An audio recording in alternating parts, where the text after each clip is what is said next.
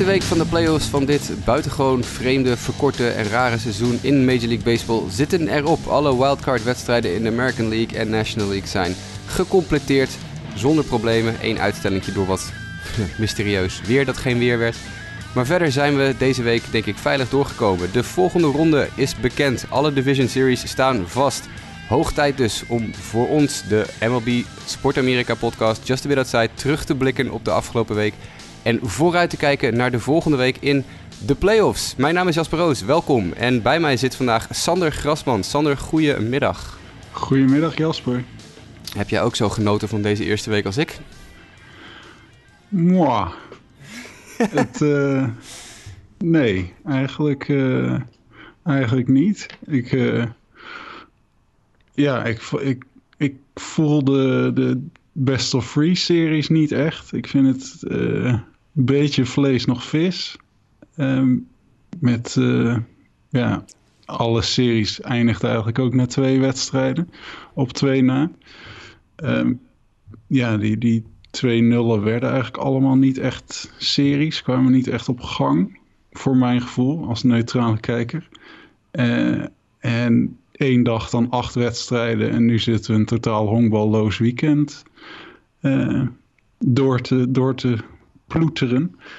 Uh, nee, ik, ik vind het nog niet echt iets. Maar ik ben heel nee, benieuwd. Ik, ik deel die mening wel hoor. Ik, dat weten wij natuurlijk, want we hebben de hele week doorlopen, druklopen, slacken en whatsappen over deze serie. Dus we weten precies hoe we er allemaal over denken. Volgens mij was het ook wel een beetje de, de, de consensus hè, binnen, binnen onze Sport Amerika MLB-redactie. Iedereen had zoiets van, ja, we hebben het een kans gegeven, maar dit is, dit is niet hoe we het vaker willen hebben. Nee, nee, het is... Ja, misschien is het ook gewoon dat het nog...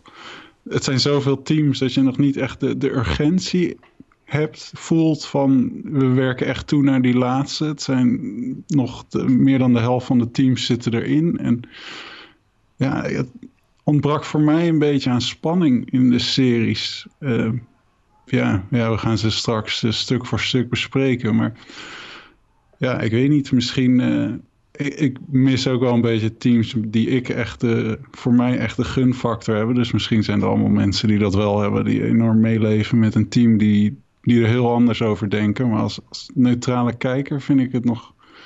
Ja, het uh, valt mij nog een beetje tegen. Maar ik, uh, ik hoop dat de divisie-series. Uh, ja, ons een, een, spektakel gaan geven en spannende series. En dat het dan weer helemaal.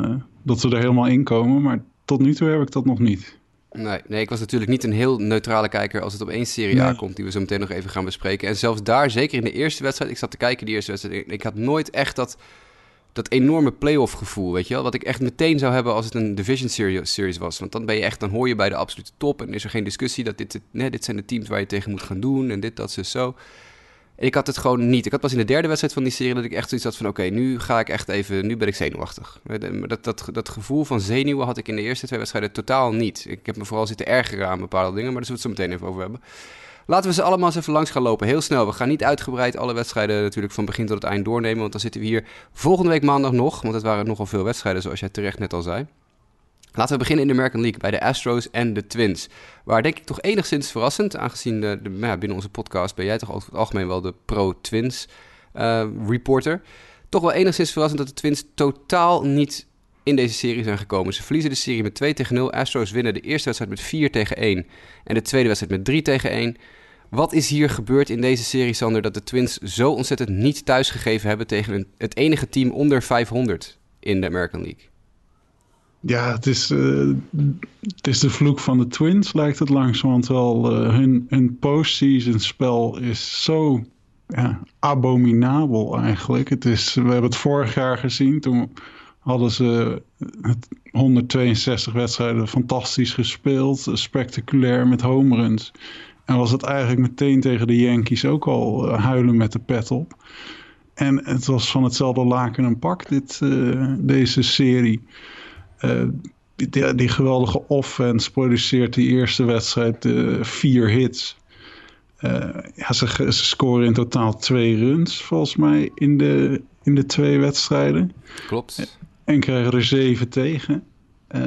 ja, met zeven runs tegen, dan kan je het eigenlijk de pitching staff niet echt kwalijk nemen. Dat, dat zijn behapbare scores, zeker met een, een offense als de Twins. En het is, uh, ja, het is gewoon, de, die stokt, de, de aanvalsploeg laat het gewoon afweten. En ja, ze hebben nu, volgens mij is de laatste overwinning van ze is al erg lang geleden en hebben ze volgens mij alleen maar verloren sinds 2004. Gewoon allemaal clean sweeps of wildcard nederlagen. En het, ja, het is gewoon... Het begint echt een beetje sneu te worden. Ik weet niet uh, wat jij ervan vindt, maar... Uh, nou ja, dat, is, dat zeg je wel correct. Het is een beetje, het is aan de ene kant heel sneu. Ik heb natuurlijk niks met de Twins. Ik vind de Twins, vooral Twins-fans, vind ik echt over het algemeen echt vreselijk irritante mensen op internet. Dat meen ik oprecht. Ik bedoel, of ze nou op Reddit zitten of op Twitter. Het zijn echt allemaal idioten die geen spatverstand hebben van honkbal. Uh, er zitten bij de Twins ook geen spelers waar ik nou echt specifiek uh, heel graag naar kijk. Um, ze hebben wel dan, heel verrassend voor die, die, die, uh, die serie tegen de Astros, hebben ze Alex Kirilov opgeroepen, vlak voor de playoffs. Jongen die dan echt uit het niets getrokken wordt. Hun, een van hun top prospects. En die mag dan in game 2 ineens opkomen draven en starten. En die ging 1 uit 4 met 3 left on base. En dat was eigenlijk alles uh, wat Kirilov liet zien. Uh, maar dat is, dat is wel de, een jongen waar ik wel geïnteresseerd in ben om eventueel volgend jaar een beetje te volgen. Maar voor de rest zitten er bij de Twins geen spelers waar ik graag naar kijk. Uh, dan heb ik natuurlijk de Astros hebben we algemeen uh, bekend. Ja, is niet onze favoriete ploeg in Major League Baseball. Maar ja, die waren beduidend meer geïnteresseerd in, in hard spelen en goed spelen. Die hebben toch misschien iets ja, wat ze willen laten zien. Uh, naar alle de haters, zoals Carlos Correa die dan noemde. Uh, verder, ja, ik, denk dat over deze serie kunnen we vrij kort zijn. Je hebt het allemaal gezegd. De Twins offense was er helemaal niet bij. De, de Twins pitching viel ook wel een klein beetje tegen op bepaalde vlakken. Ik bedoel, uh, Barrios was uiteraard goed. Maeda was goed. En dat is ook wel te verwachten met die twee gasten. Maar ja, de, de meeste runs worden dan ook gewoon opgegeven, tegengekregen door de, de bullpen. Um, Sergio Romo in de eerste wedstrijd drie runs tegen na natuurlijk een error. Dat is een heel pijnlijke error was dat van Polanco. Waardoor uh, nog drie Astros runs kunnen scoren. Maar ja, hij loopt ook gewoon uh, vier wij te gooien met de honken vol. Dus dan ben je niet, uh, ja, dat, dat wordt hem niet. Ik denk persoonlijk niet dat de Astros het de rest van de playoffs heel makkelijk gaan krijgen. Ik weet niet of jij daar andere kijk op hebt, maar ik, ik vermoed dat deze, ja, dit gebrek aan tegenstand van de Twins niet representatief is voor hoe goed de Astros zijn. Nee, ik, ik moet ook wel zeggen, ik weet niet of je die mening deelt, dat ik vind dat er rond de Twins het hele seizoen al iets minder, uh, ja, minder schwung om in zit dan vorig seizoen. Vorig seizoen waren ze natuurlijk echt de Bamba squad, maar voor mijn gevoel is een Kepler is niet de Kepler die we vorig jaar uh, gewend waren. Uh, Polanco was vorig jaar in de running voor de beste korte stop in de American League. Nou, dat, daar is een overvloed aan talentvolle korte stops in de American League. En beide waren dit jaar ja, niet echt. Ja, spraken niet echt tot de verbeelding. En vorig jaar waren die uh, aan de top van de line-up waren dat gewoon spectaculaire spelers. En dit jaar moest er heel veel van Cruz komen. Ja, en ja, het, uh, het zat er wel ook een beetje aan te komen, vond ik. Vond ze minder, minder spectaculair, minder leuk om naar te kijken. En, en ja, deze serie tegen de Astros was gewoon, uh, ja, is nooit echt spannend geworden voor mijn gevoel. Nee, er zullen nog mensen zijn die zeggen... ja, die, die, Astros bullpen was natuurlijk heel goed. En dat klopt ook, want er kwam een, een vreemdelingenlegioen aan uh, bullpennamen langs. Framber Valdes, Mike's grote vriend... die Mike een, Fantasy Championship gekost heeft... op de laatste dag van het gewone seizoen door niet te gooien was echt fantastisch in relief van Zach Greinke in de eerste wedstrijd. En in de tweede wedstrijd zie je dan een paar meer relievers bij de Astros. Maar ja, laten we wel wezen, er, was gewoon nul tegenstand, denk ik. De Twins hadden op een of andere manier geen zin om de bal überhaupt te slaan. En dat is denk ik het grootste probleem. Ik verwacht dat Houston nog wel een, uh, wat dieper moet gaan in de volgende ronde. Maar dat, uh, dat zullen we af moeten wachten. Uh, dan gaan we naar de National League, naar de serie tussen de Braves en de Reds. En dit was een volslagen bizarre serie, als je het mij vraagt. Natuurlijk 13 innings in de eerste wedstrijd. Een 1-0 overwinning van de Braves met een uh, walk-off voor Freddie Freeman, de, wat mij betreft, National League MVP. En dan de tweede wedstrijd weer ja, een beetje van hetzelfde laken. Een pak tot en met de achtste inning. Als de Braves in één keer vier runs scoren en met een 5-0 overwinning er vandoor gaan. Um, zijn de Braves zo goed of gaven de Reds niet thuis? Nou, ik, ik heb deze wedstrijden zitten kijken en er bouwde een frustratie in mij op dat ik dacht, wat moeten Luis Castillo en Trevor Bauer wel niet gevoeld hebben als ze naar die compleet tandeloze offense van ze zitten te kijken. Dat je in. Nou, het, dit is de eerste wedstrijd, werd volgens mij 13 innings. 13 dus in totaal. Uh, nou, ze hoefden natuurlijk de negende. 22 innings. Uh, nul. Gewoon nul weten te produceren. Dat is echt. Ja, ongelooflijk. Want het werd dan in de, in de tweede wedstrijd, dan in die achtste inning, liepen de Braves uit en was het gespeeld. Uh, ik uh, schakelde toen even in. Ik heb die, die Sims, die relievers zien gooien, die fantastisch gooiden. Ging volgens mij de hele. Gooide volgens mij één hele inning alleen maar uh, drie keer drie slag. En toen was het nog spannend. En je dacht, nou, dat is. Ze kunnen misschien nu wel wat gaan produceren. Maar ja, het was gewoon uh, vijf minuten later waren de Braves weer aan slag en, uh, en, en was er weer niks gebeurd. Het is gewoon, het moet tergend zijn geweest. En ik kan me bijna niet voorstellen dat Trevor Bauer terugkeert in Cincinnati. Als je zo'n geweldige wedstrijd gooit en, en je hebt er 0,0 voor terug, dan denk ik dat hij, uh, dat hij zegt, het was mooi geweest. Ik heb een fantastisch jaar gegooid. En uh, ik ga nu kijken naar een, een team met een offense.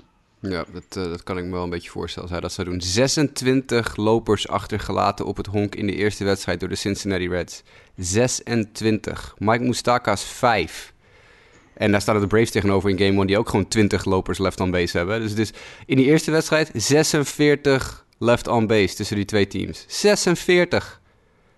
Cincinnati had 11 honkslagen in die eerste wedstrijd. Scoort 0 punten. Nou, dat is bijna gewoon knap. Dat is bijna gewoon knap. En ja, ja goed, ja, ik bedoel, Bauer was fenomenaal. 7,2 innings, 12 strikeouts, geen vrije lopen, twee hits tegen. Echt misschien wel de beste pitching performance van, uh, van de postseason die we gezien hebben, Trevor Bauer. En dat gaat natuurlijk zijn markt ten eerste enorm oppompen. Want als een contender nu hem een contract aan gaat bieden na dit jaar... dan kan hij mooi wijzen naar zijn playoff start, waarin hij waanzinnig was. En dan kan hij ook gewoon zeggen, luister, als je me betaalt... dan betaal je ook voor iemand die in de playoffs kan presteren. Uh, want daar waren natuurlijk nog wel wat, uh, wat vraagtekens bij uit het verleden toen hij voor de Indians uh, de playoffs inging. Maar dit, ja, hij heeft 100% bewezen dat hij een van de beste pitchers in de Major League is. En die gaat, die gaat een dik, dik, dik, dik, dik contract krijgen aan het eind van dit jaar. En voor de rest, ja, Max Fried was heel goed voor Atlanta in die eerste wedstrijd ook hoor. Laten we dat niet onder, onder tafel schuiven. Natuurlijk veel minder strikeouts dan Bauer, maar 5 tegen Bauer's 12. Maar ook 0 keer 4 wijd en maar, en maar 6 honkslagen tegen in 7 innings. Alleen ja, het grote probleem bij, de, bij Cincinnati was 100% het, niet kunnen scoren. Uh, met ook in de tweede wedstrijd uh, natuurlijk ook weer acht left on base. Uh, wat ook niet ideaal is. Mustakas die hitloos gaat in de hele serie. het is, het, alles, alles wat fout kon gaan voor Cincinnati ging fout in deze serie. En ik moet heel eerlijk zeggen, de Braves vielen mij ook niet mee uh, want we, bedoel, we zijn natuurlijk wel uh, over het algemeen heel positief over de Braves geweest. We hebben weinig over ze gepraat, want er valt niet zoveel over ze te zeggen eh, gedurende het seizoen. Gewoon een goed team, die winnen hun wedstrijden, gaan de playoffs in en maken dan altijd een kans. Maar ik vond ook de Braves in deze serie weinig indrukwekkend. Er waren weinig spelers die er voor mij echt, echt uitsprongen. Acuna in game 1 volledig afwezig. Ozuna 0 uit 5 met drie strikeouts in de eerste wedstrijd.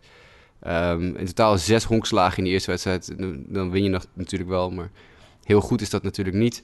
Dan komt Acuna wel een beetje opgestaan weer in game 2 met een 3 uit 5 dag, maar toch ook weer twee strikeouts. En natuurlijk de grote klap, de klap was de, de home run van Ozuna in de achtste inning met de loper op het honk tegen Raisel Iglesias. En dat brak eigenlijk de wedstrijd open. Adam Duval kwam er meteen achteraan ook nog met een home run. Tja, wat moeten we hier nou over zeggen? Gaat dit, uh, als dit doortrekt natuurlijk in de volgende ronde, hebben de Braves wel een probleem. Ja, ja het is, uh, ze hebben die eerste wedstrijd 21 strikeouts tegengekregen. Nu is het natuurlijk over 13 innings, maar dat is toch geen goed teken. Maar ja, ze hadden, ja, de pitchers van Cincinnati zijn zoals wij voorspelden van tevoren ook gewoon heel goed. En, en, je hoopt gewoon dat, dat die goede pitchers, dat, dat het dan een mooie serie kan worden. Want ze zijn natuurlijk een beetje via die achterdeur van de nieuwe opzet uh, binnengekomen. Maar je hebt dan de hoop van, ja, mooie serie. Uh, je kan fantastische werpers twee wedstrijden, zelfs uh, wel drie wedstrijden, de heuvel opsturen. Ja, je moet, het enige wat je moet doen is die, die enorm sterke line-up zien in toom te houden. En dan maak je een kans. En dat hebben hun pitchers gedaan. Maar dat je dan zo niks presteert aan slag. Ja, ja dit, dit, was, dit had een mooie serie kunnen worden. Ehm, maar het was toch vooral die eerste wedstrijd ook gewoon frustratie. Dat je, het is een prachtig pitchersduel dat, dat 0-0 blijft tot in de dertiende inning. Maar tegelijkertijd ook, wil je toch ook gewoon wat, wat offensieve steun zien voor die goede pitchers. En ja, je hebt toch niet het gevoel alsof de Atlanta pitcherstaf uh, onraakbaar is. Dat die, dat die geweldig zijn. Terwijl van de Cincinnati pitchers verwacht je wel een beetje dat die uitstekend zijn. Maar ja, het, het, was gewoon heel jammer. Dit had, dit had een mooie serie kunnen zijn. En uiteindelijk ja, gaat het ook nog eens in een nachtkaars uit in die achtste inning uh, van die tweede wedstrijd. Ja, wel respect voor de televisiecrew van uh, die 13-inning wedstrijd. Dat was, ja. Voor mij waren dat, uh, was dat Matt Vesgursion en Alex Rodriguez en nog iemand. Nou ja, Rodriguez zit natuurlijk altijd uit, uit zijn achterwerk te praten. Maar die jongens die deden die 13-inning wedstrijd en deden meteen erachteraan de, de, de Yankees-Indians wedstrijd. Die ook uren duurde en heel veel... heel veel punten, heel veel runs dan wel zaten, waardoor het allemaal lang duurde. Dus die gasten hebben alles bij elkaar, ik geloof, 8,5 uur aan één stuk door over honkbal lopen praten. Dus dat, is, dat vind ik altijd wel knap. Dat zou mij niet zomaar 1, 2, 3 lukken. Dus uh, met Vesgursion heeft zijn geld weer verdiend. Uh, heb je het over uh, Trevor Bauer met een fantastische pitching performance? ik denk dat we dat ook wel kunnen zeggen van de startende werper uit de volgende serie, Game 1, waar we naartoe gaan. Dat zijn de White Sox en de Oakland A's. De serie gaat naar Oakland, uiteindelijk 2 tegen 1. Daar is het laatste nog niet over gezegd, uiteraard. Maar als we dan even over pitching performances hebben. Lucas Giolito in game 1. 6 plus no-hit perfect game innings. Wat een waanzinnige eerste postseason start voor Lucas Giolito. Ja, ja we hebben al vaak een, een lofzang ge, gezongen op zijn prestaties van de afgelopen tijd. Maar ja, indrukwekkend. Heel uh, geweldige prestatie. En, en hij kreeg wel de offense die nodig was om, om dan zo'n fantastische prestatie tot een goed eind te brengen. Redelijk vroeg al op, op 3-0 voorsprong. En dan ja, zit, lijk je eigenlijk, denk je op rozen te zitten met, met die eerste overwinning. Zo'n geweldige prestatie van Giolito en de boepen, en de boepen. Evan Marshall, Aaron Bummer, uh, Alex Colomé met z'n drieën erachteraan. Helemaal niks tegen, gewoon potdicht gegooid. Uh, Bob Melvin kreeg nog wel een beetje deksel op zijn neus uh, over de beslissing om Jesus Luzardo te laten starten, de lefty-werper.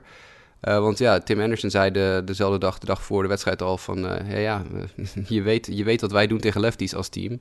Dus misschien, ja, wij hebben ons huiswerk wel gedaan, zei hij toen.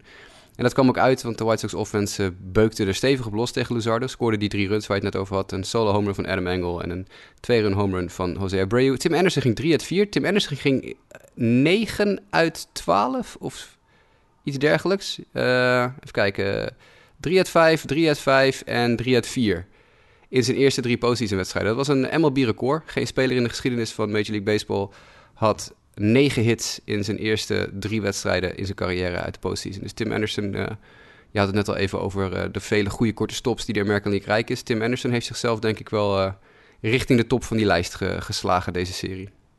Ja, ja, hij was natuurlijk met zijn, zijn slag inmiddels van de afgelopen twee seizoenen. En ook niet voor niks zit hij in ons team van het seizoen als korte stop. Ja, hij is ja, een van de leukste spelers om naar te kijken, vind ik. En een uh, mooi rolmodel ook, wat mij betreft, voor de sport. Dus ja.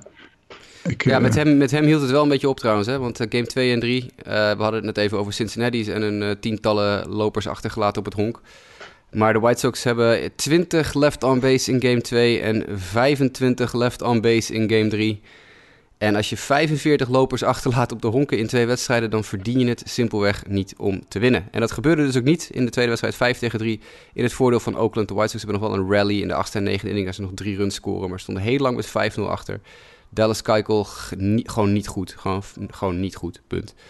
Uh, twee errors in die wedstrijd ook van uh, rookie Nick Madrigal. Dat was, uh, dat was een tenenkrommende wedstrijd, die, die game 2. Zeker omdat je aan het eind denkt, hé, hey, er komt nog een rally aan. En dan staat Nomar Mazara, de, de verguisde Nomar Mazara aan slag, die heel goed speelde overigens deze serie. En die krijgt dan een strike 3 call met volle bak aanslag en lopers op de honken in de laatste inning... waarvan je echt denkt van nou, doe mij maar robot umpires. Ik denk zeker een halve meter inside. Geen grap, zeker een halve meter inside. Wordt hij op, op drie slag naar de kant gestuurd. Als je daar gewoon vier wijd krijgt, heb je twee lopers op de honken... komt Louis Robert aan slag... En ik denk dat je dan een heel andere wedstrijd hebt. Ja, ik, ja, ik vind het ook zo gek dat dat... Wanneer was nou die... het is getest in de minor leagues. Ja. En dan... Je zou denken dat het langzamerhand is gaat komen met uh, alle technologische ontwikkelingen die langzamerhand in de ook de meest conservatieve sporten geïntroduceerd worden. Maar het, uh, ja, het, we blijven het maar doen op, op het, uh, de ogen van scheidsrechters. En nou, deze was gewoon wel duidelijk. Maar soms vraag je toch ook af, hoe moet je het als zo'n zo worp met 100 mijl per uur naar een hoek van de plaat gaat? Hoe moet je dat met het blote oog zien? Laat dat gewoon uh, door computers waarnemen. En ja, dat, ik vind dat het is zo belangrijk. En als hij er iets dichterbij was geweest, dan was er nu meer voor te zeggen dat het, dat het begrijpelijk was dat hij zo'n fout maakt.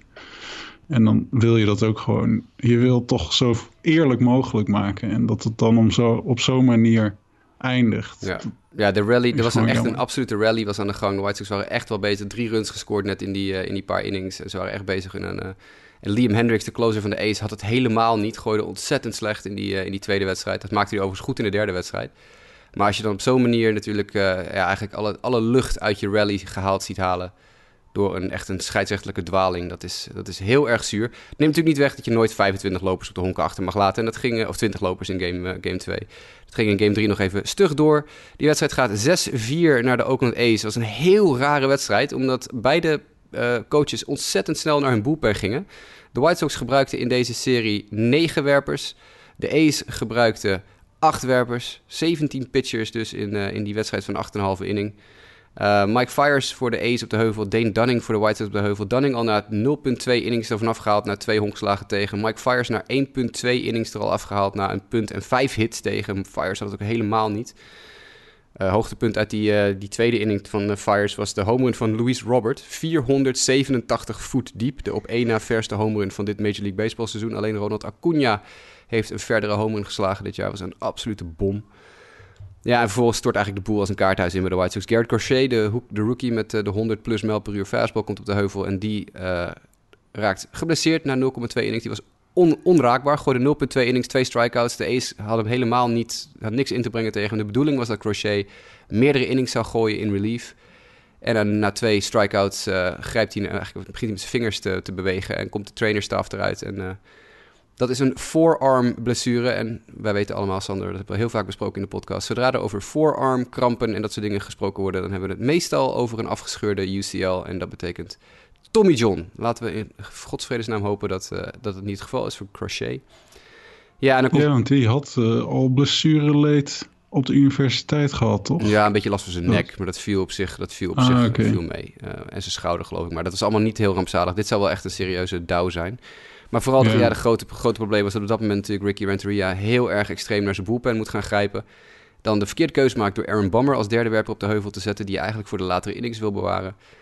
Um, ja, en dan is het eigenlijk een, daarna een aaneenschakeling van werpers die totaal geen slagbal kunnen gooien. Carlos Rodon was echt, dat, die hebben we voor het laatst in een White Sox uniform gezien. Dat was echt afzichtelijk om naar te kijken. 0.0 innings, 1 hit, 2 earned runs, 2 vrije lopen. Die had het helemaal niet.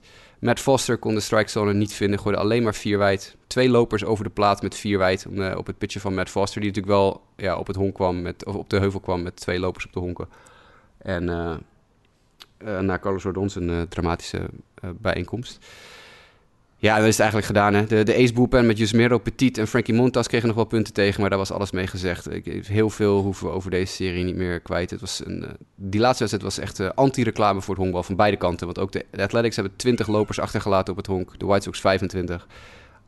vreselijke wedstrijd. Vreselijke wedstrijd. Ja, ik, ik zag die, ik had die, dat, nou, de invalbeurt van Foster een deel gezien. En dat was echt wel zwaar om naar te kijken. Ja, dan ben je, dan ben een rookie en dan word je, word je in zo'n situatie word je op de heuvel gegooid. Ben je zo goed geweest het hele jaar en dan, dan omdat Carlos Rodon werkelijk waar, nou, die jongen die hoort niet eens thuis in de minor league op dit moment. Het is niet om aan te zien. En dan word je als rookie in zo'n situatie gegooid. Terwijl je daar dus eigenlijk Aaron Bomber moet, had moeten hebben. En dat is dus de fout die Renteria gemaakt heeft. Maar het is, dat, is, dat is gewoon heel erg voor die jongen. Die Foster was fantastisch dit jaar. En dan, ja... ja I don't know. Uh, nogmaals, uh, de White Sox verdienen het absoluut niet te winnen als je 45 lopers achterlaat uh, op de honken in twee wedstrijden. Dan, de enige speler die echt thuis gaf was Timmy Anderson met een uiteindelijk 643 slaggemiddelde en 1429 OPS voor de serie. Voor de rest was het matig. De ace ook vond ik heel matig. alles met elkaar. Gewoon weinig clutch hitting. Pitching heel slecht. Dus ik verwacht niet dat die heel ver gaan komen, persoonlijk. Um, gaan we naar een andere serie. En die is dan wel veel leuker. Want dit was, echt, dit was eigenlijk niet zo'n leuke serie om te kijken. Ondanks dat het een van de weinigen was die drie wedstrijden gingen. Wat vond je van de Marlins en de Cubs? Ja, ja de Marlins hebben we het al uh, heel vaak over gehad. Eigenlijk de Cubs ook. Dit zijn uh, denk ik de twee teams die we het vaakst naar beneden hebben gepraat. Uh, en één daarvan zou natuurlijk de volgende ronde halen. Ja, ja, misschien nog wel het meest opmerkelijke is die, die wedstrijd die uh, uitgesteld werd. Wat uh, ja, bij MLB gebruikten ze maar een foto van een andere wedstrijd om aan te geven dat het inderdaad slecht weer kon zijn in Chicago. Maar die was niet van die dag. Ik kreeg uh, appjes uit Amerika van een paar vrienden uit Chicago. Die zeiden, nou, we snappen je niks van. Het is hier stralend weer. Blauwe lucht en zon. En dan wordt de wedstrijd afgelast vanwege aankomend slecht weer. Er is geen druppel regen gevallen. Heb je dan enig idee wat de reden kan zijn? Waarom willen ze pitchen nog een, willen ze een dagje rust? Willen ze... Het zou kunnen. De, ik weet of het in de playoffs ook zo is, maar in het regular season bepaalt de thuisclub of een wedstrijd uh, afgelast mag worden vanwege uh, het weer. Uh, dus het is een trucje dat de Cubs, dat is bekend, vaak hebben uitgevoerd al. De Cubs hebben er echt een handje van om regelmatig te roepen: oh, het wordt slecht weer, dus of het, het is te winderig, of er komt regen aan, of er komt een storm aan je hebt natuurlijk te maken met, uh, met Lake Michigan, wat vlak naast Chicago ligt. En dat, dat heeft wel een absolute invloed op het weer. Dat is 100%, dat is juist. Alleen, ja, er werden gewoon... Op het moment dat het naar buiten kwam, de wedstrijd wordt uitgesteld vanwege uh, aankomend slecht weer... werden er aan de lopende man fotootjes van de weerradar ge, geplaatst op Twitter. Er is letterlijk geen wolkje in de lucht. Niet drie staten verderop was de eerste storm. Ja, en als je dan een paar uur voor de wedstrijd die wedstrijd afgelast... Met, terwijl de, het blauwe lucht, stralende zon, schitterend weer... Uh, en geen enkel excuus, geen enkel excuus. Ik denk dat de Cubs de boel hier hebben geprobeerd een beetje te traineren... als ik heel eerlijk ben. Ja, ja het, is, uh, het heeft ze gelukkig geen resultaat opgeleverd... want de Marlins hebben er gewoon uh, in twee wedstrijden korte metten meegemaakt. ik was vooral werd vooral enthousiast van de, de jonge starters van, uh, van Miami. Ja, fantastisch. Uh, Sandy Alcantara. En uh, nou, Sixto Sanchez ben ik al langer fan van. Ja, geweldig dat die... ja, ze hebben... Ja, ik vind het lastig. Want aan de ene kant denk je, ja, de Marlins... Het is nou ook... Ja, je wordt er niet super enthousiast van, maar als er dan nog een serie was waar ik dan een beetje vrolijk van werd, vond ik het nogal mooi dat Miami eh, de Cubs eruit knikkert. Niet dat ik per se iets tegen de Cubs heb, maar ja, ik werd hier nogal, uh, nogal enigszins enthousiast van. Ik vond het ook wel leuke ik vond het een leuke, leuke verrassing inderdaad. Ik, nogmaals, ik ben overduidelijk het hele seizoen al totaal niet gelovend in de Marlins. En ik denk dat dit ook zeker in grote mate iets te maken heeft gehad met inderdaad de fantastische pitching performances van Sandy Alcantara en, uh, en Sixto Sanchez. Die onge, ongenaakbaar waren allebei in hun in starts dat is waar ze die jongens dus voor gehaald hebben. Alcantara komt van de Cardinals uh, in een trade voor Ozuna.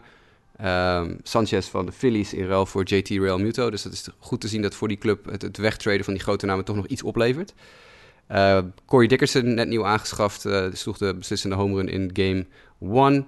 De tweede wedstrijd die dan 2-0 eindigt, uh, was een iets spannendere wedstrijd. Uh, ook een, uh, een heel goede Darvish, hè? Wie wel overigens de loss krijgt en ja. twee punten tegenkrijgt door een home run van Garrett Cooper was het breekpunt in de wedstrijd, maar hij was wel weer echt heel goed ook. Ja, en dan alles bij elkaar. Ook die, die Marlins bullpen houdt het goed, houdt het goed vast. Het is, het is een raar team. Uh, ze zijn natuurlijk wel Starling Marte kwijtgeraakt. Die nog 2 uit 4 met een run was in de eerste wedstrijd. Die brak zijn hand in de eerste wedstrijd. En die is dus niet gestart in de volgende wedstrijd. Nou schijnt het niet zo'n hele zware breuk te zijn. Dus ik weet niet hoe die er eventueel voor staat als we nou zo meteen naar de National League Division Series gaan. Maar dat zou wel een stevige aderlating zijn voor de Marlins.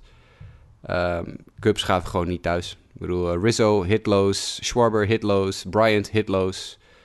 Uh, als, als, als, ja, dan noem je even een paar namen. Hè. Contreras uh, één hit, geloof ik, in de hele serie. Dus dan gaan je, je 2, 3, 4 en 5 hitters gaan één uit de serie. Nou, ja, dat, dat ik, kan niet. Ik zag ook zo'n statistiekje. Ik denk dat jij die, uh, misschien was die wel in onze appgroep gedeeld. Over de, de prestaties van Rizzo, Bryant en Baez sinds de World Series in uh, 2016 wonnen. Die averages, die, nou wat was het? Een, volgens mij iets van 150 ja. over die drie. Nou, dat, dat is, we kunnen natuurlijk kritisch zijn op de Cincinnati offense, maar er zitten hier nogal wat grotere namen die echt ja, 0,0 gepresteerd hebben. Want zij scoren dan één schamelpuntje in, in 18 innings. Produceren 9 hits in diezelfde 18 innings. Ja, dat, uh, dat is ook niet de steun die een Darvish verdient. Die ook zo'n fantastisch seizoen achter de rug heeft. Ja. Rizzo 0 uit 8. Bryant 0 uit 8. Schwarber 0 uit 4 met twee vrije lopen. Contreras uh, eh, 1 uit 4 met een vrije loop. Baez 1 uit 8. Vergeet Javi Baez ook niet. Hè. Gaf helemaal niet thuis. 1 uit 8. Dus dan heb je twee honkslagen verspreid over, wat is het, 40 slagbeurten of zo. Nee, het is echt... Uh, is heel treurig. De, de, de, Cubs zijn nu natuurlijk, vooral in Chicago, worden die helemaal neergesabeld. Want dit is het einde van de dynastie, hè? De, dynastie die nooit een dynastie werd. Ze hebben één kampioenschap gewonnen en zijn daarna nooit meer echt uh, in de buurt geweest. Uh, dit is het einde, denk ik, hè? Want die jongens, hè, Bryant, contract loopt bijna af. Schwarber is echt, nou ja, dat is helemaal niks meer. Dus dit kan wel eens een keer het einde zijn voor de Cubs. Die zullen wel eens een keer moeten gaan rebuilden. Ik sprak een Cubs, Cubs fan, vriend van mij, in een, in een chatgroep. En die zei, nou, de, laat de rebuild maar komen. Ik ben er wel klaar mee. Dus dit wordt een, uh, misschien wel een leegverkoop. Ja, Bias heeft ook echt gewoon een waardeloos seizoen achter de rug. Ik zeg even uit mijn hoofd dat hij ruim onder de, onder de 200 sloeg dit seizoen. En uh, ja, geen schim is van de... Wanneer stond hij op de cover van uh, het uh, EA MLB-spel? Dat is ja. Twee seizoenen geleden, de, de curse, ik. De curse van MLB The Show is dat, hè? Iedere keer als een speler op de voorkant staat, dan presteert hij dat seizoen niks. Dat is, nee. uh, hij sloeg uh, dit seizoen in 2020 2-0-3. Oh, met een, ja, hoor dit, een 599 OPS. Hij had een OPS onder 600. Dat kan ik zelfs nog slaan in de Major League. Maar dat terzijde. Um, de Cubs hebben een probleem. Die moeten gaan bedenken hoe ze dit aan gaan pakken de komende periode. Maar daar is Theo Epstein over het algemeen heel goed in gebleken. In een, uh, een oplossing zien te vinden voor dit soort problemen. Dus wat dat betreft is het ook wel eens een keer interessant om te zien wat Epstein en, uh, en consorten gaan doen. Met de Chicago Cubs gaan we door naar de volgende serie die eigenlijk geen moment, dat wisten we van tevoren al, geen moment spannend was. De Rays tegen de Blue Jays. Eenvoudige 2-0 overwinning in de serie voor Tampa Bay die de wedstrijd 1 met 3-1 winnen en wedstrijd 2 met 8 tegen 2. Uh, wat kunnen we kwijt over deze totaal niet verrassende serie? Nou, dat ik denk ik gelukkig nog één serie goed voorspeld heb van tevoren. Je bent niet de enige, denk ik. het, uh, ja, dit, dit pakte wel redelijk uit zoals je, zoals je verwacht. Behalve dat uh, ja, Ryu in die tweede wedstrijd wel ongenadig hard weggeslagen is. Dat verwacht ik dan niet. Uh, maar de, ja, de goede starters van, van Tampa Bay hebben wel gewoon goed gepresteerd. En ja, ja, gewoon eigenlijk vrij zakelijke overwinningen. Eerste wedstrijd nogal enigszins spannend. Uh, ja, goed pitchers wel. Tweede wedstrijd gewoon al heel snel beslist. En daarmee dus gewoon de serie. En is het gewoon eigenlijk ja, nooit meer echt leuk geworden, die tweede wedstrijd. Nee, uh, de, ja, dat is een beetje... De grote klap was natuurlijk de, de, Grand Slam van Hunter Renfro in Game 2 tegen Ryu. Uh, die uh, 8 hits, 7 runs tegenkrijgt in 1,2 innings. Dat is dan je miljoenen aankoop van afgelopen winter. Ja. Ik denk dat hij niet helemaal gezond was. Denk jij dat, hij, dat, hij, dat, er, dat, hij, dat, dat dit een fitte review was die op de heuvel stond? Nee, je mag het hopen van niet. Uh, acht innings tegenkrijgen in uh, 1,2 ja. inning is... Ja, dat is, dat, die, die bleven maar komen. Dat is gewoon... Ja, en dan in een wedstrijd dat je weet dat je het spannend moet houden. Want ja, Tampa Bay is gewoon zo, die ruiken de, de stal al. Dus dan, je moet goed beginnen. En dan in de tweede inning zo het om je oren krijgen. Ja, killing. Ja, absoluut. Ik, uh, ik was uh, heel erg onder de indruk van uh, Randy Arozarena in game 2. Die 3 uit 4 ging met twee runs en een RBI. Zag goed uit. Leuke, leuke spelers dat, om naar te kijken. Voor de rest, ja, ik denk dat we niet zo heel veel kwijt hoeven over deze serie. De Tampa Bay oppermachtig. de pitching oppermachtig, de aanval oppermachtig. Blue Jays, dat wordt volgend jaar een heel leuk team. ze hebben een paar gaten om te vullen nog. Vooral in de pitching staff, want die is echt schniebest. Ondanks alle aankopen van de afgelopen trade deadlines hebben ze wel bijna allemaal gegooid ook nog. Hè? Ik geloof dat, even kijken, Robbie Ray heeft inderdaad gegooid. Ik kreeg de loss in game 1. En Ross Stripling heeft nog gegooid in game 2 in relief van Ryu. Maar de enige die eigenlijk bij de Toronto qua pitching zich uit de malaise onttrok was Nate Pearson. Onze grote vriend Nate Pearson met vijf strikeouts in twee innings. En voor de rest helemaal niks tegen. Um, ik denk dat Toronto volgend jaar best wel weer een uh, gooi kan gaan doen om leuk mee te, spelen. Maar ze zullen echt een paar gaten moeten dichten. En dan heb ik het vooral over de pitching. Tampa Bay is uh, een van mijn uh, World Series kandidaat favorieten. Ja, ik, die kunnen ook in een langere serie... kunnen ze gewoon drie hartstikke goede starters. Het is even afwachten welke Charlie Morton er, erop staat. Maar ja, Tampa Bay is... als ze zo'n offense ook krijgen als die goed presteren, dan is dat een, mooi team om naar te kijken. En dat kunnen nog eh, leuke series worden. Dit was helaas, ontbrak het hier enigszins aan spanning in deze serie. Ja, 100%. De misschien wel leukste serie van de hele rits wildcard games. Als je het aan mij vraagt tenminste. Uh, was de serie tussen de Padres en de Cardinals. En waarom is dat dan een leuke serie? Nou, ten eerste ging drie wedstrijden. Dat is over het algemeen leuker dan twee. Maar het waren ook nog drie echt spannende wedstrijden. Uh, met, met een paar runs verschil telkens. Uh, allebei de teams die, die best wel goed meespeelden. Um, spektakel in home runs, spektakel pitchinggebied. uiteindelijk trekken de Cardinals aan het kortste eind. Die verliezen nadat ze game 1 met 7 tegen 4 winnen nog van San Diego. Uh, verliezen ze de tweede wedstrijd met 11-9. Dat was echt een spectaculair duel. Een fantastische wedstrijd om naar te kijken.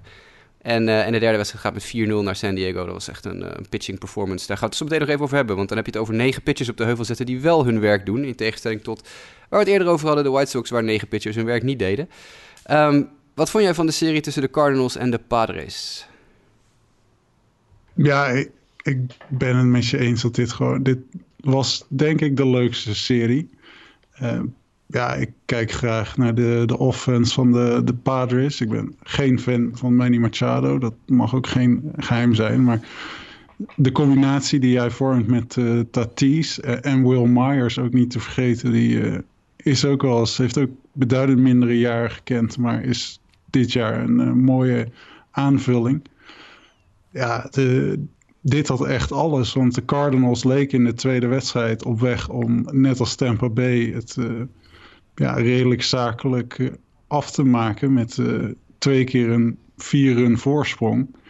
En, en dan gebeurt er iets bij San Diego. Dat ze, ze krijgen de geest en halen de home runs die ze het hele seizoen al slaan boven. En uh, Tatis slaat er in totaal nog twee in de tweede helft van die wedstrijd. Myers slaat er twee. Machado gaat één keer back-to-back -back met Tatis. Ja, en dan... Ja, ik vind dat leuk. Die Tatis, die, die straalt een enthousiasme uit. Uh, gaat echt op in zo'n wedstrijd. Ik vind zo'n bedflip uh, fantastisch. Dat, uh, ja, dat geeft energie, denk ik, aan die ploeg. En, en je ziet dat er dan echt iets verandert. Ze, ze staan daarvoor met 6-2 achter. En, en ineens gaat het helemaal de andere kant op. En ja, trekken ze die wedstrijd gewoon naar zich toe. En ja, dat is mooi. Die echt zo, dan zie je echt beleving. Zelfs in een leeg stadion zie je dan echt beleving. Waar je nou bij de, de White Sox tegen de, eh, de Ace, dan, ja, dan zie je die ja, mensen die de thuisplaat overkomen met uh, vier wijd. Ja, dat, daar ontbrak dat een beetje. Um, en dit was echt spectaculair, echt leuk om naar te kijken. Ja, een mooie serie. San Diego uh, echt, echt koning clutch hitters hoor. Ik bedoel, nogmaals, ik vergelijk het, we vergelijken het automatisch met de White Sox uh, Ace-serie, want dat was de enige andere die drie wedstrijden ging. Maar het is precies wat jij zegt. De, de, de momenten dat voor San Diego een clutch hit moest komen, kwam die er ook. En meestal nog eentje erachteraan ook voor de zekerheid. En ik heb nog nooit zoveel weak-ass grounders naar uh, de tweede honkman of de korte stop met lopers in scoringpositie gezien als tijdens de White Sox Ace game. Van allebei de kanten. Vooral bij de White Sox, maar ook de Ace hadden echt meerdere kansen om uit te lopen. En dan worden die, die standen blijven wel spannend. Twee runs, drie runs verschil telkens.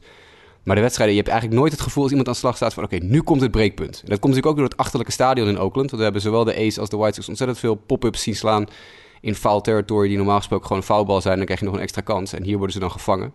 Het stadion is natuurlijk al een betonnen bak van heb ik jou daar veel te diep op bepaalde punten. Dus dat maakt het allemaal al ja, wat minder makkelijk. Natuurlijk in San Diego, dat stadion is wel wat meer, elke, zeker naar linksveld toe, een hitters park. Maar zodra er een clutch hit moest komen bij San Diego, kwam die er ook. En, en ja, de jongens die het moeten doen, doen het ook gewoon. Met Tatis inderdaad, met vijf RBI's in, zijn, in die tweede wedstrijd... waar die, die geweldige comeback uh, plaatsvond. Ik bedoel, als je als team in de zesde inning vier, in de zevende inning drie... en in de achtste inning twee runs scoort... dan kan je in ieder geval niet zeggen dat je niet alles erop, eraan hebt gedaan... Om, uh, om terug te komen in die wedstrijd en hem uiteindelijk ook te winnen. Heel sneaky ook even, mogen we ook wel even melden... want je hebt een paar namen genoemd waar ik helemaal achter sta. Maar Jerks en Profar, uh, ja. die gaf ook enorm thuis die was, die was uh, helemaal uh, in zijn element. Die slaat uiteindelijk over de hele playoffs, over die hele ronde 5-71 met een 1143 OPS. Een paar runs gescoord.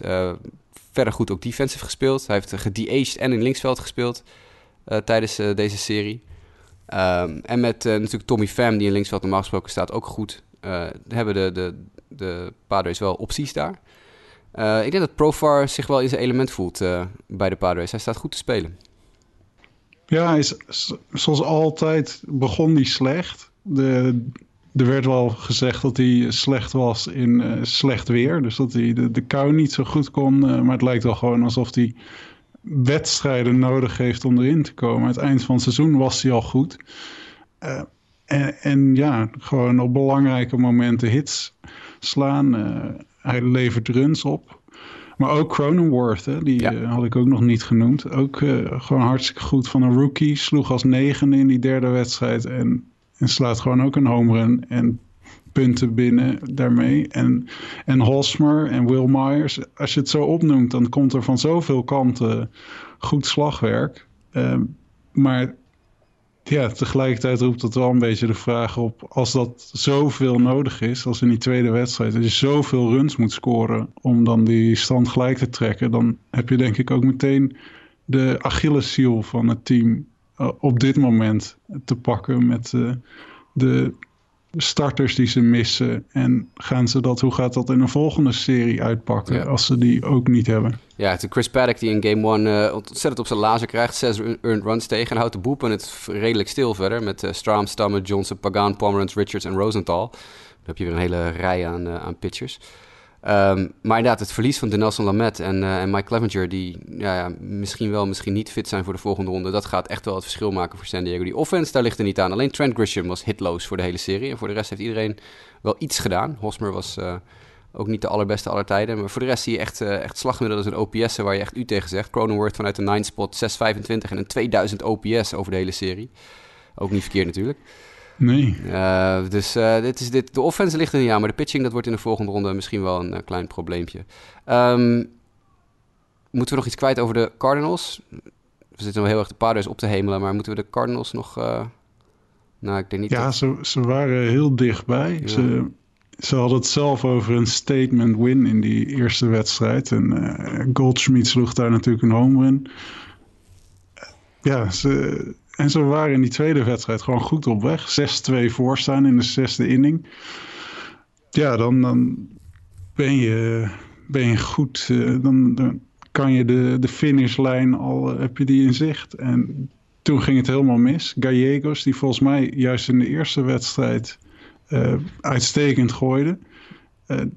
ja, die had het niet, die wedstrijd. En Ponce de Leon, die daarna opkwam, ook niet. En daarna was het, uh, het kwaad geschiet. En werd er nog wel wat uh, home runs uitgewisseld in die laatste innings. Maar eigenlijk zat het dan vooral in die zesde en zevende inning dat het gewoon omslaat. En dat hebben ze dus niet goed kunnen verwerken. Want het stond uiteindelijk, je krijgt vier runs tegen die zesde inning. Maar het staat nog steeds gelijk. En als je dan in die volgende inning meteen weer drie eroverheen krijgt. Ja, dat is, uh, dat is zonde. Ja, dat ben ik helemaal met je eens. Dat is uh, eh, 100% de juiste analyse. Um, we laten de Cardinals en de Padres even wat het, wat het uh, is. Ik denk dat heel veel voor de Padres af gaat hangen of ze Clevenger en uh, Lamet terugkrijgen in de komende serie. Ik weet niet of dat, of dat voor, voor die jongens mogelijk is überhaupt. Dat is, die blessures die zijn geniepig. We hebben nog twee series te gaan. Dat waren twee series die in principe ja, ja, weinig spannend waren. In zoverre dat we van tevoren al min of meer vast hadden gesteld wie er zouden gaan winnen. Dat klopte ook. De Yankees tegen de Indians. Een absolute afslachting van de Cleveland Indians in game 1 door de Yankees. 12 tegen 3 wordt de einduitslag. En ja, Shane, Bieber 7 earned runs tegen in 4 eh, innings, dan, eh, dan weet je al genoeg. Dat was natuurlijk het, het breekpunt meteen voor de serie. we hebben het van, van tevoren gezegd, als de, als de Indians een kans hebben, gaan ze dat doen achter uh, Bieber. Want ik bedoel, natuurlijk aan de ene kant staat Cole op de heuvel bij de Yankees. Dat is ook geen, uh, geen verkeerde pitcher, weten we allemaal. Maar ja, met hoe goed Bieber is geweest, denk ik niet dat wij één van allen ook maar aan hadden zien komen dat hij zeven earned runs tegen zou krijgen. Nee, maar ja, zijn, zijn prestatie was misschien wel het, slechtste. En je, je, hoopt natuurlijk gewoon dat hij in die eerste wedstrijd, dat je op je, je Cy Young winnaar, want ik neem aan dat we hem al zo mogen noemen, dat je daar dan vanuit kan gaan dat, dat, dat je die misschien dan over de streep trekt. Cole is natuurlijk ook niet de minste, maar Bieber is het hele seizoen ongenaakbaar. En dat je dan zo, zo ongenadig hard op je broek krijgt, zo vroeg. Maar het is die tweede wedstrijd. Kan je met Carrasco ook gewoon een prima pitcher naar de heuvel sturen. En die geeft ook niet thuis. En daarna geeft Karinchak niet thuis. En even later geeft McKenzie niet thuis. En dan heb je nog zelfs kan Hand een uh, save bemachtigen. Sta je nog voor, ondanks al die runs die je al tegen hebt gekregen. En ook die verpesten een safe uh, kans. Ja, dat is, het is gewoon over de gehele linie. Het is dan wel de vraag: zijn zij nou zo slecht geweest? Of zijn de Yankees die ook weer fit zijn en die van Stanton goede optredens krijgt? En Voigt was goed. En ja, over de gele linie. Maar ja, als je, hoeveel runs hebben ze gescoord? Zo'n 20, geloof ik. Uh, 22, 22. 22. Ja.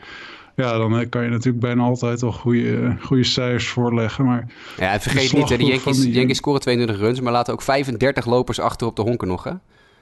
In twee wedstrijden. Ja, ja het, het is gewoon een slachtpartij geweest. Een ander woord is er niet voor. Je kan die tweede wedstrijd ook nog zelfs winnen. Je geeft een 4-0 voorsprong in de eerste inning, geef je ook gewoon weg. Waardoor je in de vierde inning alweer achter staat. Ja, het is, het is gewoon uh, de, de offense van de Yankees heeft korte metten gemaakt met ja, de toch in mijn ogen van tevoren goed geachte pitching staff van de, de Indians. We, we, dachten van die hebben enorm goede pitchers en hopen dat uh, een Ramirez het verschil kan maken. Dat misschien een Lindor opstaat. Dat ze iets van hun offense kunnen krijgen. Maar ja, die scoren wel gewoon negen runs in die tweede wedstrijd. Ja, en dan met Bieber in de eerste wedstrijd. Ja, je zou denken dat die genoeg hebben gedaan. Maar het is gewoon ja, de, de Yankees waren on fire en hebben het, nee, het was, keihard uitgehaald. Het was, het was hem niet inderdaad. Lindor ging 1 uit 8 in de serie, die, eh, die had het uh, ook niet helemaal. Uh, Ramirez was, uh, was beter, die ging 3 uit 7 met drie RBI's, zeg ik even uit mijn hoofd, vier RBI's. Dus die had het een stuk beter gedaan. Eén opvallend lichtpuntje bij Cleveland was de nieuw aangetrokken Josh Naylor. Die natuurlijk in de Mike Clevenger trade naar San Diego zat. En daar toen van San Diego naar de Indians is gestuurd. Uh, Naylor die sloeg 714 met een 2286 OPS in deze serie. Die ging uh, in game 1 4 uit 4 en in game 2 1 uit 3. Hij sloeg een home run in die serie. Dus uh, Naylor is in ieder geval, voor, zoals het nu lijkt, een goede aankoop geweest. Voor een ploeg die ook absoluut wel Clevenger nog had kunnen gebruiken in deze serie. Een fitte Clevenger natuurlijk. Um, Yankee offense, ja, Glaber Torres, is echt bizar. Die slaat 714 met een bijna 2000 OPS in deze serie. Uh, Brad Gardner slaat 3,75 met een 1375 OPS in de serie. Voigt 4,29 met een 1270 OPS. Uh, Stanton hoog OPS, redelijk goed slaggemiddelde. Urshela was goed. De enige die niet thuis gaf was Aaron Judge. In ieder geval niet qua slaggemiddelde. Maar ja, we weten bij Judge, als hij tegen een bal aanrent, dan uh, is hij er ook vaak uit. Dus zijn OPS van 717 was nog acceptabel voor iemand die 1 uit 9 ging in deze serie. En dat is natuurlijk niet heel best. Laten we even vooropstellen dat het niet super goed is. Stanton was wat dat betreft ietsje beter, maar ja, dat zijn de jongens, als ze er tegenaan rennen en hij vliegt eruit, dan, dan heb je het mooi meegenomen. En als ze dat maar één of twee keer per serie doen, is het vaak al genoeg. Ja, Gary Sanchez heb je er nog zo een. Die, zijn average is bijzonder laag, maar als hij hem raakt, dan ja. richt het veel schade aan. Heel opvallend, hè? Sanchez in Game 1 natuurlijk niet in de line-up, want uh, uh, de catcher voor Garrett Cole is vanaf nu blijkbaar Kyle Higashioka. want dat, ja, met Sanchez achter de plaat is Cole gewoon niet goed en met Higashioka wel. Dus Sanchez in game 2 wel in de line-up als catcher van Tanaka. Nou, ten eerste Tanaka 6 earned runs tegen in 4 innings. Dat is al niet best. En Sanchez negende in de slagvolgorde. Ja. Vind ik wel opvallend. Ja, het is... Uh, het geeft wel een beetje aan misschien uh, hoe de Yankees uh, denken over Gary Sanchez. ja. I don't know. Het is, is geen goed teken. Maar hij slaat hem er wel uit. Ja, dat dan weer wel natuurlijk. Maar ja. uh, negen in de line-up, dat zijn meestal niet je, de slagmensen waar je het meeste vertrouwen in hebt. Uh, laatste serie van deze uh, eerste wildcard playoff ronde. En hebben ze allemaal denk ik toch wat uitgebreider besproken dan we van tevoren bedacht hadden. Maar ja, als je eenmaal zit te praten, dan heb je zoveel waar je over wil uh, ouwehoeren. Dodgers Brewers, iedereen had verwacht van tevoren dat de Dodgers gingen winnen. Dat gebeurt ook. Game 1 4-2 voor LA, game 2 3-0 voor LA. Brewers eigenlijk gewoon kansloos, toch? Ja, ja, dit is gewoon een uitstekende ploeg. De Dodgers die een zakelijke overwinning boeken. Gewoon de nodige runs scoren. Van de mensen waar je het van hoopt, die, die presteren gewoon. Bets is belangrijk. En uh, gewoon geweldige starters hebben die, het, uh, die de tegenstand aan banden kunnen leggen. Twee wedstrijden lang. Ja, dit, dit is volledig wat je verwacht. En volledig wat eruit komt. En ik ben benieuwd hoe ze het tegen San Diego gaan doen. Maar deze serie was eigenlijk uh, nooit spannend. Nee, het is geen, geen echte test, denk ik, voor, voor LA. Als je kijkt naar de, wat, wat de, de Brewers uh, offensief doen. Uh, slaan in totaal 11 honkslagen over twee wedstrijden. En die kwamen bijna allemaal van Avi Sil Garcia. Want Avi sloeg er, geloof ik, vier van de 11. Ja, vier van de 11. Uh, Jelic ging 2 uit 5 in de eerste wedstrijd, maar viel weer van de aardbodem, zoals we wel vaker gezien hebben dit jaar. In de tweede wedstrijd 0 uit 4. Uh, geen één slaggemiddelde behalve Avi Garcia boven de 222. En dan tel ik even voor het gemak Luis Urias niet mee, want die speelde maar twee slagbeurten. En als je dan 1 en 2 slaat, dan gaat het al heel snel. Maar alleen Avi Garcia bleef over met een 500 slaggemiddelde en niemand anders boven de 222. Dan, uh, ja, dan ga je niet winnen. Zeker niet van een ploeg als, uh, als LA, die natuurlijk een pitching staff hebben waar je u tegen zegt. Walker Buehler startte in game 1 en werd vervolgens gerelieved door uh, Urias voor drie innings, Trinan voor één inning en Kenley Jensen voor één inning. En dat is uh, ja, een, een, viertal waar je op een, uh, ook als je een goede dag hebt, het heel zwaar tegen hebt. En de Brewers hadden geen goede dag. Clayton Kershaw, diep respect. Acht innings, ja. drie hits, één walk, 13 strikeouts. Als je het hebt over pitching performances van Trevor Bauer en Lucas Giolito, moeten we absoluut die van Kershaw ook even noemen. Want die was echt nou ja, dit was. Het is zo'n cliché om te zeggen vintage Kershaw. Maar dit was, dit was echt een. Tuurlijk niet de allerbeste ploeg alle tijden tegenover zich. Maar dit was weer pitchen zoals we van Clayton Kershaw gewend zijn. Ja, dit. Uh, ja, hij heeft natuurlijk een beetje de, de reputatie niet thuis te geven in de playoffs. Ook niet helemaal verdiend. Want hij heeft ook gewoon uitstekende wedstrijden gegooid. Maar dit was gewoon. Uh, ja, precies wat je van hem verwacht, hoopt misschien. Uh, ik heb in ieder geval een zwak voor uh, Kershaw. En ja, fantastisch. Gewoon uh, acht innings, 13 strikeouts. Het is gewoon zijn uitstekende cijfers. Nauwelijks, nauwelijks hits tegen, maar één keer vier wijd. Ja, dat, dat, zo'n prestatie zorgt ervoor dat een team, zelfs op een, op een dag dat ze niet zoveel presteren aanvallend, gewoon ja, redelijk probleemloos en een, een overwinning binnenslepen. Ja, en uh, dan betekent dat ze hun volgende ronde relatief uitgerust mogen beginnen aan, uh, aan hun serie. Uh, over die volgende series gesproken, we laten de wildcards even achter ons, Sander. We gaan naar de Division Series. Die beginnen maandag 5 oktober, dat is morgen al voor de mensen die dit op zondag nog horen. met de eerste wedstrijd is Astros Yankees om 10 uur s avonds Nederlandse tijd. Ik zeg Astros Yankees, Astros Athletics. Ik heb mijn lijstje ben ik door elkaar aan het halen. Astros Athletics om tien over tien s'avonds Nederlandse tijd. Pitchers zijn er niet bekend. Er zijn nog geen pitchers aangekondigd, behalve in de Yankees Race-serie. Daar komen we zo meteen nog even op. Game 1, Astros Athletics. Game 2, Astros Athletics, is dan op dinsdag. En game 3 is uiteraard op woensdag. Wat gaat dit worden? Als we vooruitblikken zonder te weten wie er gaan gooien voor beide ploegen. Ja, het, gedurende het reguliere seizoen zou ik zeggen dat de, de A's de betere ploeg zijn gebleken.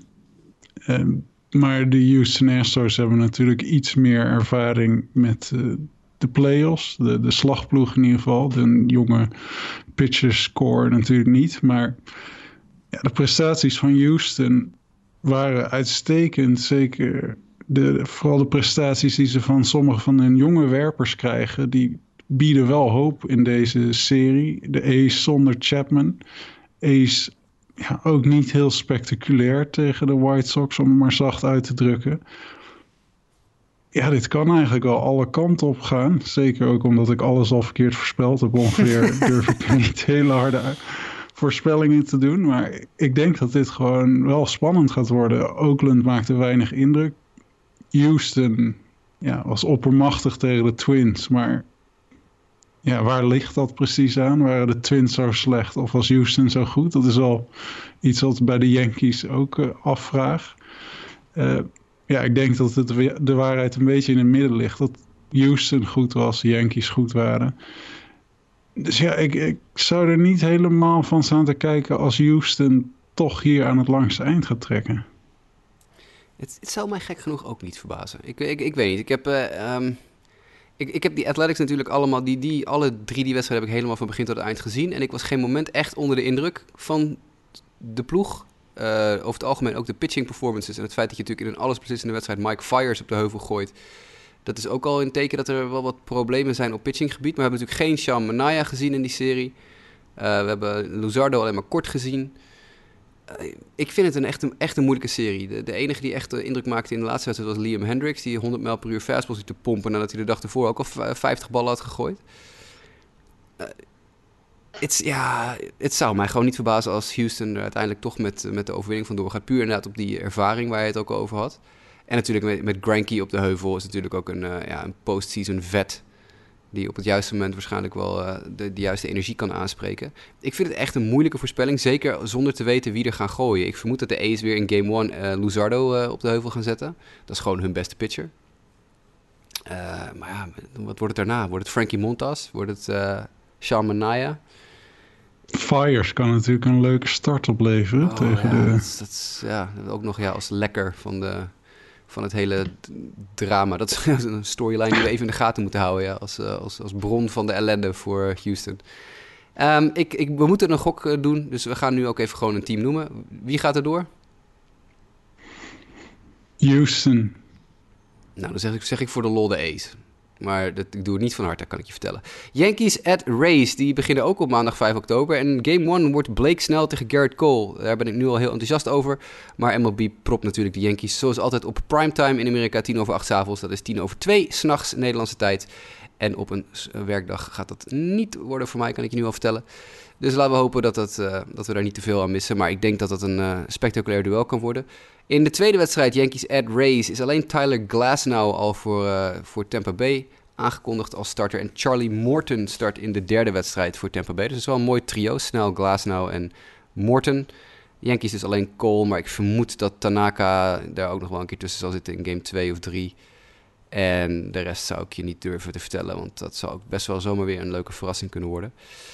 Uh, wat verwachten we van de Yankees at Race? Dit wordt misschien denk ik wel de spannendste serie van allemaal. Ja, misschien wel ook op meer vlakken. Want ik, uh, het is al een keer knokkerij geweest tussen deze twee ploegen. Ze liggen elkaar niet, maar uh, ze delen blijkbaar wel hetzelfde hotel en dezelfde ontbijtgelegenheid. Dus het kan nog een gezellig, gezellige serie worden tussen die twee. op het veld verwacht ik, verwacht ik dat ook. En ja, die, die, starters, daar word ik wel blij van, van Tampa Bay. Maar die krijgen het natuurlijk wel zwaar tegen, tegen de line-up van de Yankees. Op papier een mooie serie, denk ik. teams kennen elkaar. Net als Houston en Oakland natuurlijk. Ja, ik, ik vind het lastig om tegen de Yankees in te gaan uh, naar hun prestaties tegen de Indians. Maar dat uh, hoort ook een beetje bij Tampa Bay dat ze altijd onderschat worden. In ieder geval door mij. Ja, ik hoop Tampa. Uh, ik denk Yankees. Hmm. Hmm. Ik, ik ga gewoon voor Tampa. Ik, ik ja. Cole is de enige pitcher die ik vertrouw op dit moment. De enige starter bij de Yankees die ik vertrouw. En ik vertrouw er sowieso twee bij Tampa. Want Snel en Glasnow, ik bedoel, de kans dat ze natuurlijk op een sodomiet krijgen is altijd aanwezig. Maar Glasnow was ook weer zo goed in de vorige start. En is dit seizoen ook gewoon, ja, gewoon prima geweest. Snel heeft een 0,82 career ERA in de postseason. Met 16 strikeouts in 11 innings. Um, ja, ja, doe mij maar Tampa Bay. Weet je, ik bedoel... Uh, je moet toch een keer ergens een beetje eh, lol vandaan halen. Ik denk, uh, ik denk dat Tampa Bay het echt wel heel moeilijk kan gaan maken voor de Yankees. Het is natuurlijk thuis in, in Tampa Bay, in, in St. Petersburg. In het lelijke stadion van de race. Dus ja, ik, ik verwacht heel veel actie. Heel veel actie. Ik denk dat de Yankees offense absoluut wel weer wat kan gaan doen. Maar ik denk dat de combinatie van de pitching, ook de bullpen van Tampa Bay natuurlijk ook echt waanzinnig goed. Met Diego Castillo en, hoe heet die andere gast? Piet uh, Pup. Help me even, Sander. Fairchild heet hij, geloof ik. Yeah. Piet Fairchild, of iets in die geest. Uh, ook fantastisch. Uitstekende, uitstekende boepen. Ik denk dat uh, de race het uh, gaat wel lang duren. Ik denk dat het wel een serie wordt die heel vaak heen en weer gaat. Maar doe mij maar Tampa Bay. Sorry, Yankees fans die zeker weten naar deze podcast luisteren. Het, het zou me ook niks verbazen als het andersom is. Maar ja, je moet op een gegeven moment gewoon een wilde gok doen. Marlins at Braves. Die beginnen op dinsdag 6 oktober. Ook weer geen starters announced. Maar ik verwacht natuurlijk weer voor Miami hun sterkste duo of trio aan het begin van de serie. Dat zou dus betekenen Sandy Alcantara en Sixto Sanchez in game 1 en 2. Voor Atlanta verwacht ik ook weer Max Fried in game 1 of 2. Uh, eh, sowieso, want die was ook weer super goed van de week. Wat, wat kunnen we verwachten van de Marlins at Braves? Dit, wordt dit spannender dan wij denken?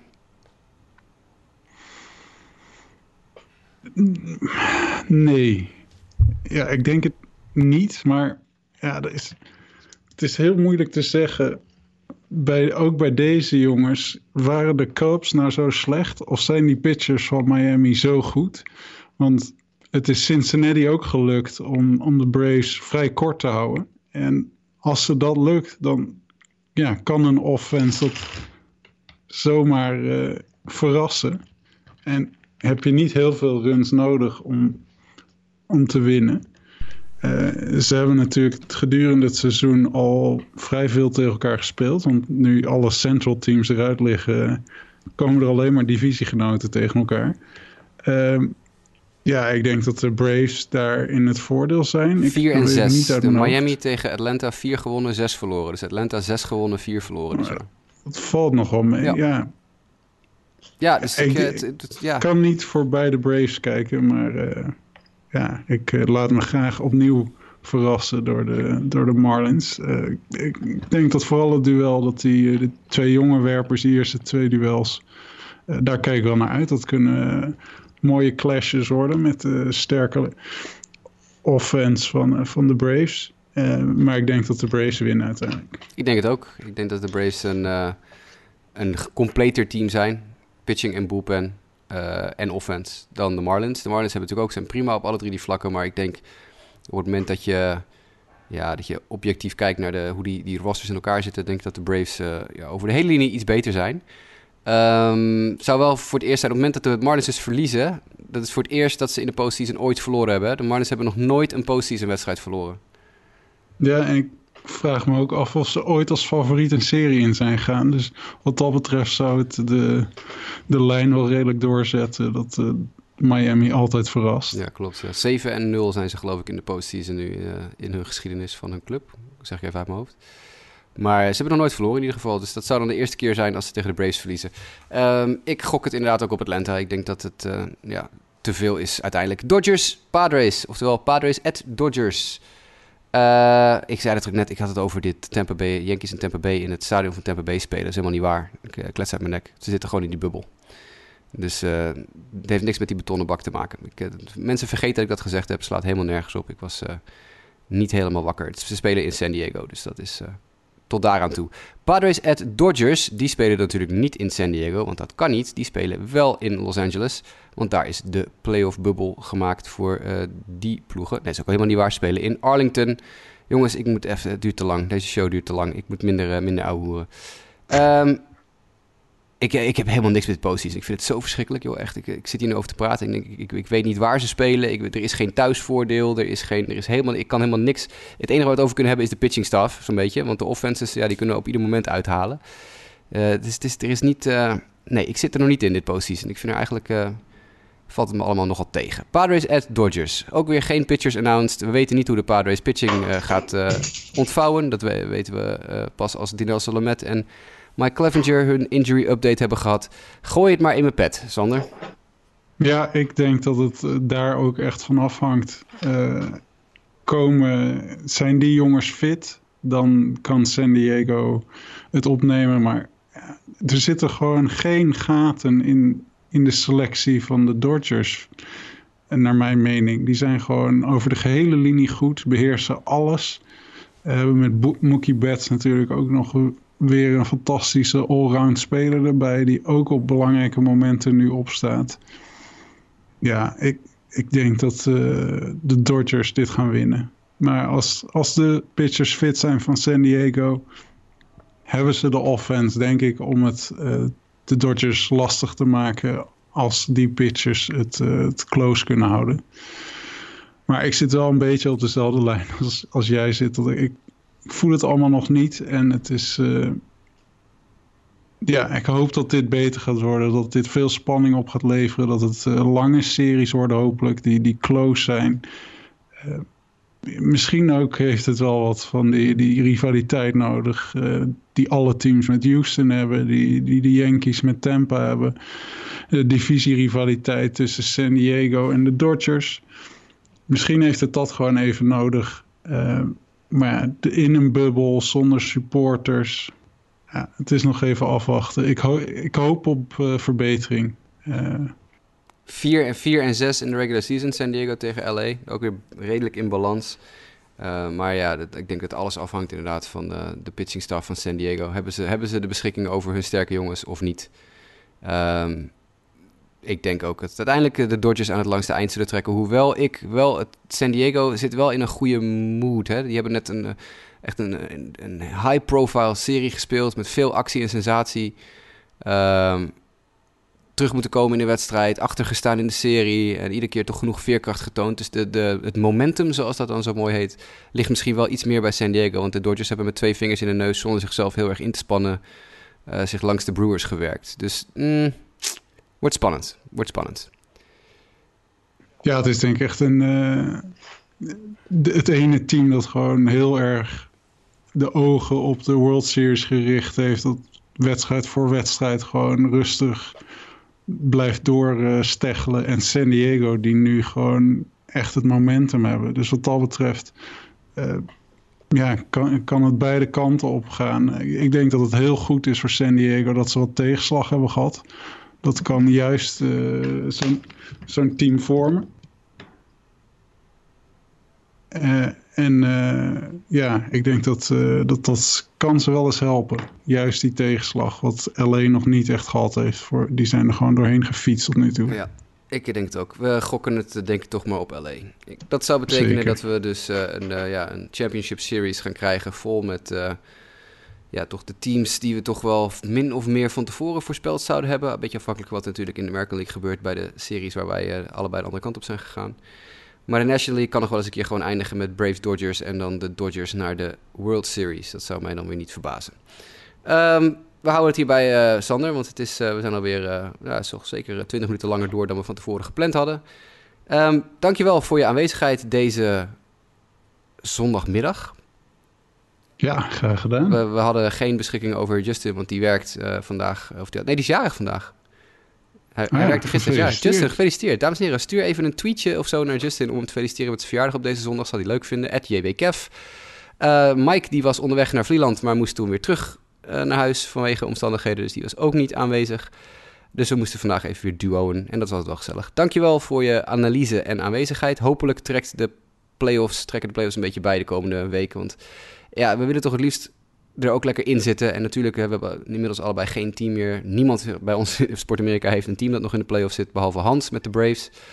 Ehm, het is, uh, we zitten er nog niet helemaal lekker in. Het is, het is nog, uh, ik weet niet. Ik, ik ben toch, uh, ik maak me zorgen over de staat van MLB over, voor volgend seizoen. Ook als inderdaad het plan is om deze playoffs langdurig te gaan behouden. Want dit was, deze week was niks. Laten we hopen dat het mooier wordt. Sander, heel fijne zondag verder. We gaan uh, ons, uh, ons, ieder ons weegt. Ik ga eens even kijken of uh, Ajax tegen FC Groningen er nog wat van bakt. Ik vrees het ergste.